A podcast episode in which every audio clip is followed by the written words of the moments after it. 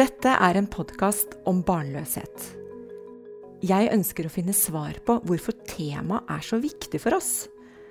Jeg vil grave frem fakta på området, og ikke minst dele de viktige historiene bak. Jeg er Cecilie Hoksmark, og mitt mål er større åpenhet. Så da ønsker jeg velkommen til Mina Gerhardsen. Takk. Og du er generalsekretær for Nasjonalforeningen for folkehelsen.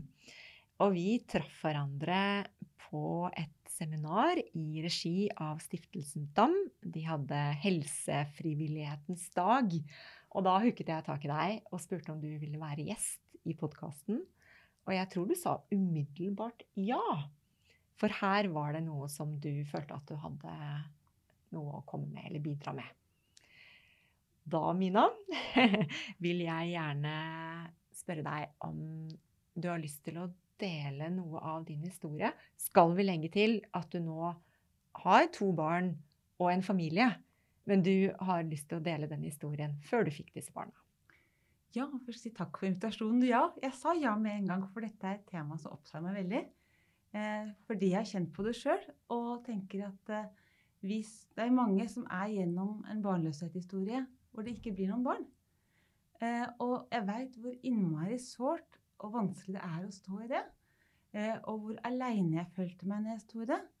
Så jeg tenker at vi som kom ut av denne med barn, vi har også et ansvar for å snakke om hvordan det er å være gjennom en sånn tid. For det er mye lettere for meg å snakke om det. For jeg, jeg fikk drømmen min oppfylt, jeg. Men jeg syns det er veldig viktig at vi snakker om det, fordi det er såpass mange som ikke ender med barn i slutten av den historien. Og både om at det finnes andre måter å ha gode liv på, men også med at eh, det jeg tenkte i historien, at vi, vi må ha mer kunnskap om det. Flere må vite hvor mange som berøres av det. Og at vi eh, må ha større varsomhet når vi snakker med hverandre den, eh, det jeg opplevde som utrolig slitsomt, var alle spørsmålene om når skal du ha barn, og det skal vel ha barn snart, dere. Eh, etter at jeg hadde gifta meg, og så jobba jeg på statsministerens kontor. Jeg var politisk rådgiver og statssekretær for Jens Stoltenberg. Og hørte hele tiden sånn alle som jobber på Jens blir gravide.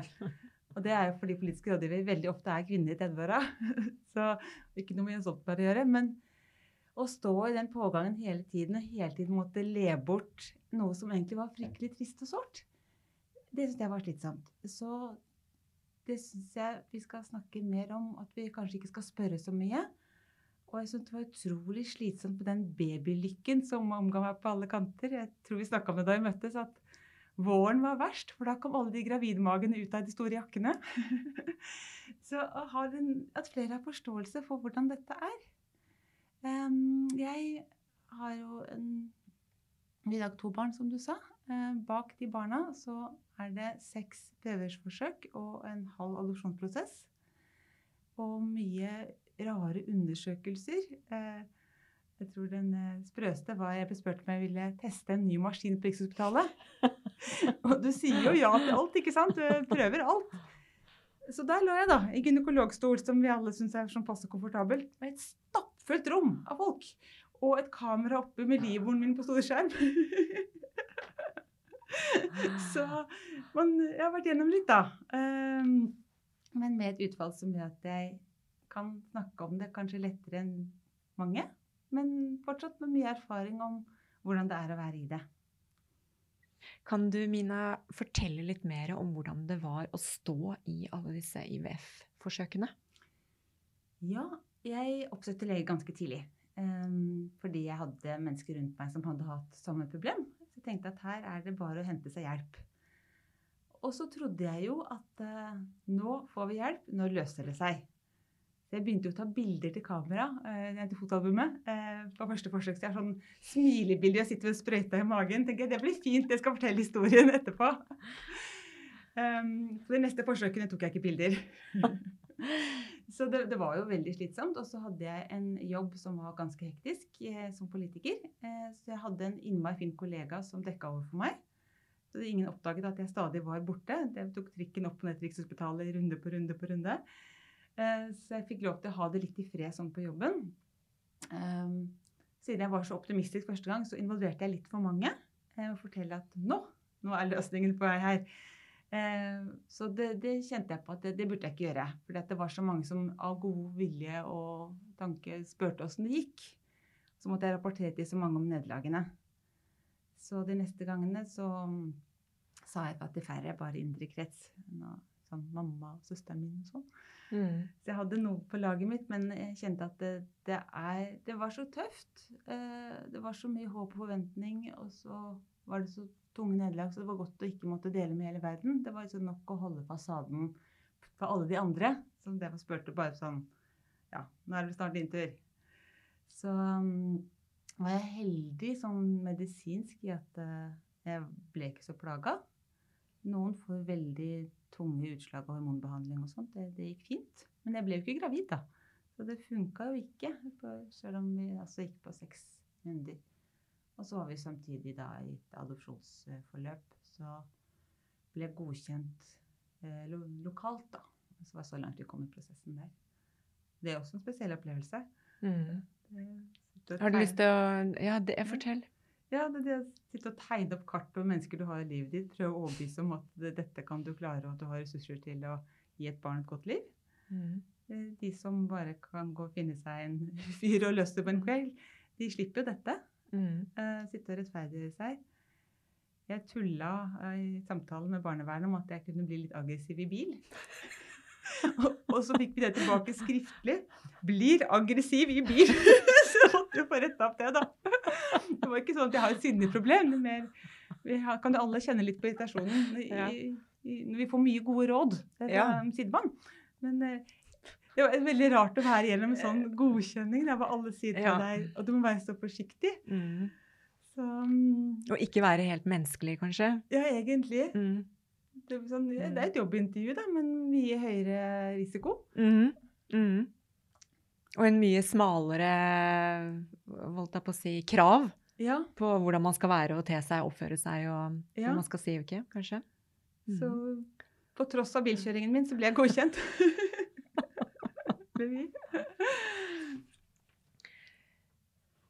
Kan du fortelle litt om uh, hvordan det var å um, være holdt jeg på å si, håpefull for noe som skulle skje i framtiden?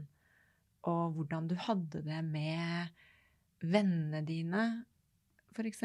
Kanskje mm. nær familie, som var i den samme situasjonen som dere, bortsett fra at de slapp å få hjelp til å få barn. Hva, har du noen historier, noe du har lyst til å dele der? Jeg følte at livet var veldig på vent. Vi hadde en plan, livsplan. Vi gifta oss. Da hadde vi vært sammen ganske mange år, og så skulle vi få barn. Og vi, hadde, vi kjøpte også leilighet som var tilpasset til det livet vi planla. Eh, og så skjer det ikke. Eh, og så skjer det mange rundt oss. Eh, og da var det jo veldig forskjell på hvordan venner, både de som visste og ikke visste, hvordan de håndterte det. Det, veldig, det er viktig å ha venner. Men når venner bare klarte å snakke om både graviditetsplagene sine og vonde fødsler og slitasjen med babyer, så kjente jeg at det kunne være ganske slitsomt. Så noen venner hadde vi mindre med å gjøre da. Fordi det ble så mye babyfokus. Og når vårt fokus handla om at vi ikke fikk til, så var det ekstra belastning å, å vasse rundt i andres glede. Eller smålige klager, som vi opplevde det som. Så, men så hadde jeg også vært kan si, heldig i gåstegn da, at jeg hadde to nære venner som sto i det samme. Og, det var veldig støtte og hjelp at vi kunne sitte og snakke sammen om åssen dette er. Og utveksle tips og alle de, ja, de tingene man var villig til å prøve for å få det til å lykkes. da. Hva tenker du rundt det å være åpen. Du sa jo innledningsvis at uh, du hadde vært for åpen med det første forsøket. Mm. Hva tenker du om den åpenheten? Hva, hva vil du anbefale andre å gjøre? Det er vanskelig å gi råd for andre. Jeg jobber jo med helse til hverdags og snakker mye om at det er viktig med åpenhet. At uh, åpenhet uh, gir deg beskyttelse. det mobiliserer støtte og forståelse. Men jeg vet ikke om jeg vil si til alle at det er klokt å fortelle verden at du ikke oppnår drømmen din. At det er vanskelig for barn. Fordi nettopp det er så mye god vilje i omsorg å spørre hvordan det går, men det er veldig veldig slitsomt å rapportere hele tiden. Eh, på at det ikke går. Så det er, eh, når man står i det, og det er tøft og nært og sårt, så er det ikke så lett å ha mange involvert heller. Så man må nesten kjenne på, Men det å ha noen på laget sitt, eh, det, det er jo viktig. Jeg tror, jeg tror, veldig på å ikke bare være de to som prøver, men ha noen til med. Men kanskje ikke, ikke legge ut på Facebook at du er på prøveforsøk igjen. Kanskje. Men uh, siden jeg da fikk barn I papirene mine så står det jo 'spontant gravid'. Det kjentes jo ikke helt sånn. Unnskyld, nå må jeg le. Det var antagelig ikke. Nei. Uh, men um, siden jeg da faktisk har fått barn, så tenker jeg at det er viktig at jeg snakker om det. Så jeg har jo noen anledninger hvor jeg blir intervjuet om litt andre ting, eller på portrettintervjuer og sånn, hvor jeg har snakket om det. Og jeg har skrevet om det i noen kronikker og nettopp uh, fordi det er viktig at flere snakker om det, så flere vet om det, og flere kan ta mer hensyn til de som er i situasjonen nå. Ja. Og jeg har lyst til fikk jeg litt gåsehud her jeg står, for jeg berømmer deg for det. For det er som om for mange så er det fort glemt mm. at de har strevd. Ja. Eh, og så ramler man ned i en annen kategori, hvor man er eh, foreldre eller voksen da med barn. Mm. Eh, vi trenger dine, eller din stemme også. Ikke bare de som ikke har barn, som forteller sine historier.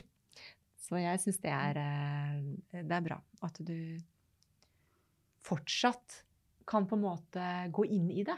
For det kunne jo tenkes at du hadde bare lyst til å ta helt avstand fra det. Ja. Bare lukke døra, ja. ja. Mm. ja jeg, jeg, tenker at jeg har en erfaring, og, og, jeg følte at det var veldig ensomt å være ufrivillig barnløs da jeg var det. Så tror jeg det har blitt litt bedre nå. Nå er jo eldstedatteren min 14, så det er noen år siden. At det snakkes mer om det, og det er veldig bra. Men eh, da, jeg holdt på, så var den eneste som var åpen om det, var Jenny Jensen den artisten. Men hun hadde jo 13 prøveforsøk bak seg, så når mamma skulle liksom oppmuntre meg med 'gikk på Jenny Jensen', så følte jeg ikke helt at det, det var det løpet jeg skulle gjennom. Men jeg møtte Jenny Jensen senere. Altså, da har jeg takka henne for nettopp at hun snakket om det da. Da trengte jeg at noen snakka om det. Du, har du um, noen episoder fra den tiden som du vil si at eh, dette var den aller såreste og at dette var den aller mest rørende historien. På Jeg vet ikke om man kaller det rørende, men som jeg husker som viktig, eh, var at jeg fant en bok som heter The Baby Trail. Det er ikke en veldig god bok. Den er sånn typisk rosa bok fra kiosken. Eh, men den handlet om barnløshet. Og det jeg syntes var så deilig med å finne den, var at der var det plass til sinne sinne mot alle de som ble gravide når du ikke ble det selv. Og det er jo en uakseptabel følelse. Du vil jo være et godt menneske som blir glad på andres vegne. Men det var så utrolig deilig å lese at det er lov. Det er ikke meg som bare er veldig veldig slem, som tenker sånn 'Å nei, ikke hun også', når hun fikk en ny mellomgraviditet. Men at det er en legitim følelse. Eh, så den, den, boka var virkelig sånn god for meg å finne. Det var litt sånn Jeg kan ikke si game changer, men jeg har lov. Jeg har lov til å være sint. Jeg skal ikke si det til noen, men jeg har lov. så den, det var viktig. Eh, og så spør om det såreste. Da var det én SMS. Jeg hadde en veldig tanke om barn og jul. Både at det er fint med barn til jul, og jul er barnas tid. Jeg hadde så innmari lyst til å bli gravid til jul. Jeg kunne si det til familien til jul. Jeg hadde liksom tenkt ut at jeg kunne lage en fin pakke med testbilde eller ja, Mye rare tanker. Eh, så jeg var alltid litt ekstra trist til jul. Eh, og så var det en venninne av meg som sendte meg SMS på julaften om at hun var gravid. Og det ble for mye. Så jeg tok meg sammen til kvelds, men på dagen da så satte jeg meg i bilen og kjørte til Bygdøy for å sitte ved havet og storgråte. Jeg satt vel egentlig i bilen og hørte på den verdens tristeste, fineste julesang. Den um, Hva heter den? Have Yourself a Merry Little Christmas med Judy Garland på repeat. Og gråt og var sint og fortvila og at jeg heller ikke var gravid den jula. Mm. Jeg syns den der SMS-en som fra en venn som visste hva jeg sto i, hadde sikkert bare tenkt at dette var en glad nyhet, og samme som meg, ville dele den til jul. Men den, eh, den satt i, rett og slett. Mm.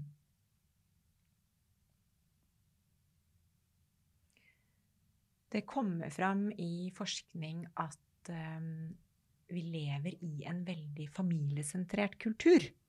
Mm. Med barna i fokus. Hva tenker du om det nå, som du, du Nå har du jo barn. Nå er du på en måte en del av det. Men kanskje du har noen refleksjoner rundt det likevel? Vi er jo det. Barn er oppfattet som veldig definerende. Eh, Det er noe av det jeg passer på sjøl, å aldri spørre om folk har barn. De, de må fortelle meg det sjøl. Nettopp fordi at man skal slippe å bli satt i en bås. Jeg tenkte over dette hvert eh, et møte hvor alle skulle presentere seg. Så satt det en veldig flott dame der. Og så begynte alle rundt å si 'jeg jobber med det, jeg er så gammel, og jeg har så og så mange barn'. Og da ble hun fra å være flott og sterk plutselig en alle syntes litt synd på. Hun måtte si 'jeg har ingen barn'. Så jeg tenker, jeg spør aldri om det. Jeg legger ikke opp til at vi skal snakke om det, fordi det kan være en historie her som ikke jeg vet om. Og som for noen er det helt greit å si, for noen er det ikke greit å si. Sånn at vi må få den litt, eh, litt unna, kanskje, fordi det er forskjellige oppfatninger og historier. Så vi er jo veldig opptatt av det. Og så Ja, nei, tilbake til de ting jeg var sint for da, er jo reklame. Som Coop-medlem ville jeg ha anerkjennelse også, selv om jeg ikke hadde barn. Jeg ville ha gode tilbud, selv om jeg ikke hadde hage til lekeapparater. Det er utrolig mye av det som kommer mot oss, som handler om barn. Eh, Så det er jo en slitasje i det. Eh, Så det er en positiv ting at vi har et barnevennlig samfunn. Men det er en veldig pågang hele tiden på at målet er barn, og standarden er familie. Og det er det som er livslykken på norsk. Så det er også sånn når vi snakker om åpenhet. eh, Åpenhet om at ikke alle får, så tenker jeg det er veldig fint at flere står fram at det er ikke alle som vil heller.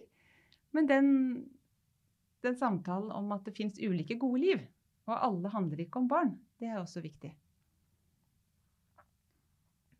Hva tror du skal til for at vi skjønner litt mer av at det er barna som tar veldig mye fokus på hva, hva på en måte det resten av familien gjør eh, i fritiden og i helgene? Eh, og at det er med på å skape en forskjell, eller kanskje et utenforskap eh, til og med, Mm. for de som da ikke er, er en del av dette. Av ulike grunner. Eh, hva, hva tenker du skal til? Er det noe vi kan gjøre? Vi bør sikkert være flinke til å, å se forbi den standarden med at uh, gjester på lørdag er en familie som matcher med liksom, det er to voksne og to barn, eh, så, så alle har noen å snakke med. At vi er litt flinke til å ha litt mer mangfold rundt bordet. da. Eh, og så skjønner jeg jo også at folk som ikke har barn, kan synes det er ganske slitsomt med, i hvert fall når folk har små og masete barn. Men kanskje vi skal være flinke på å invitere, og så får folk vurdere det sjøl, framfor at man blir ekskludert fordi at eh, vi antar at man ikke har lyst til å henge med disse unga. Så mm, mer bevissthet der, kanskje.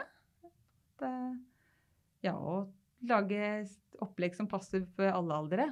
Er sånn som 17. mai, da, så blir det jo veldig fort at det bare handler om barn hvis det er barn der. Det kan være hyggelig at det er hyggelig for de voksne, og ikke bare mas og jakt etter å få ungene nok is og pølser og leke og gøy. Så vi kanskje blir litt flinke til å tenke på hvem er det vi kjenner som kanskje har lyst til å henge med oss sjøl om vi har disse unga. Eh, Mm. og slett. Mhm. Og vi har jo vært, eh, vi har vært inne på det, men eh, vi må grave litt mer i det. For åpenhet rundt barnløshet, det mangler. Mm. Og jeg som lager denne podkasten, får jo mange meldinger fra folk som forteller 'tusen takk Mm. For at du tar i dette temaet'. Så vi snakker jo om et tabu. Ja. Og hva hvis du hadde hatt eh, 100 millioner, eller kanskje 100 milliarder Du kan få så mye penger du vil. Hva, hva kunne man gjort for å få bort dette tabuet? første er jo at flere må snakke mer. Det at det er et tabu, og så er det en veldig kunnskapsmangel. Ser jo, jeg er mye på sosiale medier og ser jo disse eh, Men kan du ikke bare adoptere, da? Eh, som om det fins en eh, mengde barn der vi bare kan hente, eh, vi som ikke får til selv. Eh, så den forståelsen av hvor mange har dette problemet det, Jeg jobber litt bl.a. ved å få til eh, eggdonasjon i Norge. Og da må du ha forståelsen av at mange rammes. Jeg tror det er like mange som bor i Vestfold som er ufrivillig barnløse. Så det er et stort tall. Hadde det vært et annet helseproblem, så hadde vi hatt mye større trykk på det eh, enn det vi har. Og det er jo også fordi at det er jo ikke en gruppe som står samla foran Stortinget med ropert. Eh, man er hjemme aleine med den eh, graviditetstesten som nok en gang viste at det ikke, ikke skjedde denne måneden. Så den kraften i kreve tilrettelegging og helsehjelp, eh, den har vi jo ikke nettopp fordi at man står én og én, og det er det temaet med stigma. Så det ene er å få opp den kunnskapen hvor mange. Eh, så mener vi at vi må jobbe mer med løsninger. At eh, f.eks. eggdonasjon er jo det, fagekspertene sier er en av de enkleste tingene vi kan gjøre for å hjelpe flere. Eh, også på adopsjon kanskje kan vi gjøre mer der, for det er jo veldig vanskelig å få adoptere i dag. Og så er det andre spor. Hvis, så, vi har jo snakket om det er mange gode liv uten barn. Og så er det mange måter å ha barn i livet på. Eh, det er jo masse unger som trenger et sted å være i helgen eller hele uka. Eh, så det er det å få barn i livet sitt. Det fins mange muligheter. Men jeg tror det at vi også må løfte det litt politisk. Og så løfte åpenheten rundt det. Jeg er ikke sikker på om penger vil hjelpe. Eh, litt. Altså, foreningen ønsker barn og sånn, bør jo få mer penger, selvfølgelig. Men det er det at flere snakker. Så du sier at du får masse respons. Jeg har jo også opplevd det når jeg har vært Eh, i ukeblader eller eh, andre steder og snakket om det, så kommer det alltid ganske mange meldinger etterpå med takk. Ja, det, det sier noe om at det er et udekka behov her, da. For at uh, du lager denne podkasten, og at uh, flere andre løfter temaet. Sånn at flere blir kjent med det. Og både de som står i det, som skjønner at de ikke er alene, og de som ikke aner hva det handler om. Og så kanskje blir litt klokere av å høre på de som vet hva det handler om. Du Mina, jeg vil eh, si stor takk for at du ville være med og dele din historie. Du er veldig raus. Takk for at jeg fikk komme. Det syns jeg. Tusen takk.